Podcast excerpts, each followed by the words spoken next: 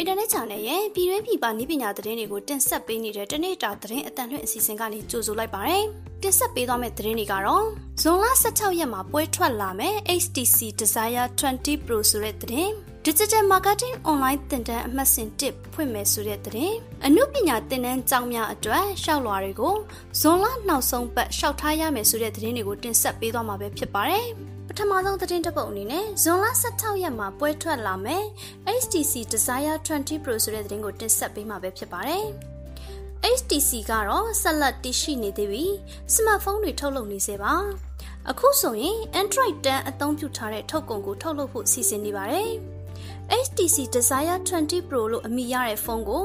ဇွန်လ16ရက်မှာမိတ်ဆက်မယ်လို့ကြေညာလိုက်ပါတယ်။ HTC Desire 20 Pro နဲ့ပတ်သက်ပြီးကောလာဟာလသတင်းတွေမရှိပါဘူး။ HTC Taiwan website ရဲ့ News မှာ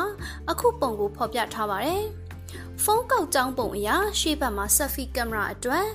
push hole ပါဝင်ပြီးတော့ကြောဘက်မှာကင်မရာအစိတ်ပိုင်းတစ်ခုပါဝင်တာကိုတွေ့ရပါတယ်။ HTC Desire 20 Pro ကြောဘက်မှာကင်မရာလေးလုံးနဲ့ fingerprint sensor ပါဝင်တယ်လို့ပေါက်ကြားထွက်လာတဲ့ပုံအရသိရပါတယ်။ ဒါအပြင် benchmark စင်းတွေအရ Desire 20 Pro မှာ Snapdragon 660ဒါမှမဟုတ်665 SoC ကို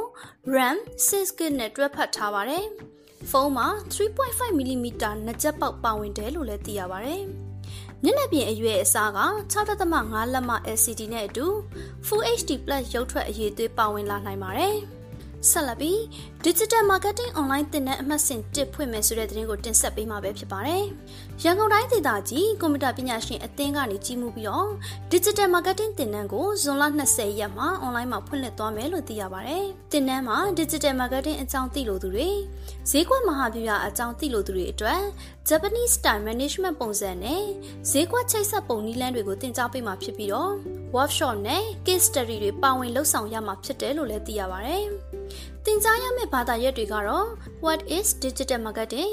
market research, branding, personal marketing, customer journey map, triple media strategy, and media, influencer marketing, own media, paid media, new 4CS, inbound marketing, content marketing, O2O marketing, KGI, KPI setting တွေပဲဖြစ်ပါတယ်။ တင်တဲ့ကာလကတော့ဇွန်လ20ရက်နဲ့21ရက်ဖြစ်ပြီးတော့ဦးအောင်ကျော်လင်းကတင် जा ပေးမှာဖြစ်ကမနက်9နာရီကနေညနေ4နာရီထိတင် जा ရမှာပဲဖြစ်ပါတယ်။ တင်နန်းကြီးကတော့3900ကျပ်ဖြစ်ပြီးတော့တင်နန်းသားဦးရေအယောက်30လက်ခံမှာပဲဖြစ်က Zone App နဲ့တင် जा ပေးမယ်လို့လည်းသိရပါတယ်။တင်နန်းတက်ရောက်လို့သူတွေအနေနဲ့ဇွန်လ18ရက်နေ့လယ်12နာရီနောက်ဆုံးထားပြီးတော့ MCPA ရုံးခန်းသို့လာရောက်စီးရင်ပေးသွင်းရမှာပဲဖြစ်ပါတယ်။အသေးစိတ်သိရှိလိုပါကရန်ကုန်တိုင်းဒေသကြီးကွန်ပျူတာပညာရှင်အသင်းရုံးကန်အဆောင်ဆက်လေးဒုတိယတက်အခန်း301ဖုန်း39 608 3451 53ညတို့စုံစမ်းမေးမြန်းနိုင်မှာပဲဖြစ်ပါတယ်။နောက်ဆုံးသတင်းတစ်ပုဒ်အနေနဲ့နုပညာသင်တန်းကျောင်းများအတွက်ရှောက်လွှာများကိုဇွန်လနောက်ဆုံးပတ်ရှောက်ထားရမယ်ဆိုတဲ့သတင်းကိုတင်ဆက်ပေးမှာပဲဖြစ်ပါတယ်။2020-2021ပညာသင်နှစ်ပထမနှစ်အတွက်ရန်ကုန်မြို့နဲ့မန္တလေးမြို့များရှိအနုပညာအထက်တန်းကျောင်းတွေမှာသင်တန်းသားတွေခေါ်ယူနေပါတယ်။ပန်ထရာသင်တန်းနဲ့ဗချီပပုသင်တန်းအတွက်ခေါ်ယူတာဖြစ်ပြီးတော့ပန်ထရာသင်တန်းအတွက်အနုပညာ ဂီတာ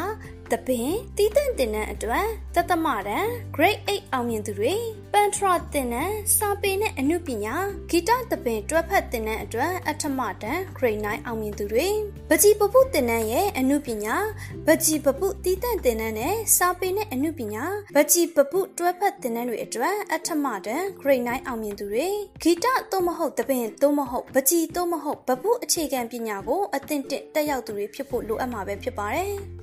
အသက်73နှစ်ကနေ18နှစ်အတွင်းရှိသူတွေတက်ရောက်နိုင်ပြီးတော့စာပေနဲ့အနုပညာတွဲဖက်သင်တန်းတို့ရှောက်ထားလို့သူတွေဟာအနုပညာဘာသာရဲ့အပြင်အခြေခံပညာတသမတန်း grade 10ဧကတသမတန်း grade 11နဲ့3တသမတန်း grade 12ကိုပူးတွဲသင်ကြားခွင့်ရရှိမှာပဲဖြစ်ပါတယ်။စာသင်ကြားနေစဉ်ကာလအတွင်းတစ်လလျင်3000ကျပ်နှုန်းဖြင့်ထောက်ပံ့ကြေးရရှိမှာဖြစ်ပြီးတော့3နှစ်သင်တန်းပြီးဆုံးပါကအနုပညာသင်တန်းဆင့်လက်မှတ်နဲ့အခြေခံပညာအထက်တန်းအဆင့်သင်ယူပြီးမြောက်ခြင်းလက်မှတ်တွေရရှိမှာပဲဖြစ်ပါတယ်။တက်ရောက်လို့သူတွေတွေအနေနဲ့ရှောက်လွှာတွေကိုတက်ဆိုင်ရာကြောင်းသို့မဟုတ်ဇွန်လနောက်ဆုံးပတ်နောက်ဆုံးထားကရှောက်ထားရမှာဖြစ်ပြီးတော့လူတွေ့စစ်ဆေးမှုကိုဇူလိုင်လပထမပတ်မှာကျင်းပသွားမှာပဲဖြစ်ပါတယ်။အသေးစိတ်ကိုအမှုပညာဦးစီးဌာနနဲ့တက်ဆိုင်ရာတိုင်းဒေသကြီးပြည်내အစိုးရအဖွဲ့ရုံးများမြို့နယ်အထွေထွေအုပ်ချုပ်ရေးဦးစီးဌာနရုံးများနဲ့ဖုန်း396ခွန်343983ခွန်396ခွန်34398443 391555642နဲ့392436169ကိုဆက်သွယ်စုံစမ်းမေးမြန်းနိုင်မှာပဲဖြစ်ပါတယ်။အခုတင်ဆက်ပေးသွားတဲ့သတင်းတွေကတော့နိုင်ငံတကာနဲ့ပြည်တွင်းမှာရရှိထားတဲ့နည်းပညာသတင်းတွေကိုအင်တာနက်ဆန်တွေကနေတင်ဆက်လိုက်တာပဲဖြစ်ပါတယ်။အခုလို COVID-19 ဖြစ်ပေါ်နေတဲ့ကာလမှာပြည်သက်တွေအနေနဲ့လည်းကျန်းမာရေးနဲ့အားကစားဝန်ကြီးဌာနရဲ့လမ်းညွှန်မှုတွေနဲ့အညီလိုင်းနာဆောင်ရွက်ကနေထိုင်သွားလာဖို့တိုက်တွန်းလိုက်ပါတယ်။ကျွန်မကတော့ဦးဝေမြင့်မို့ပါ။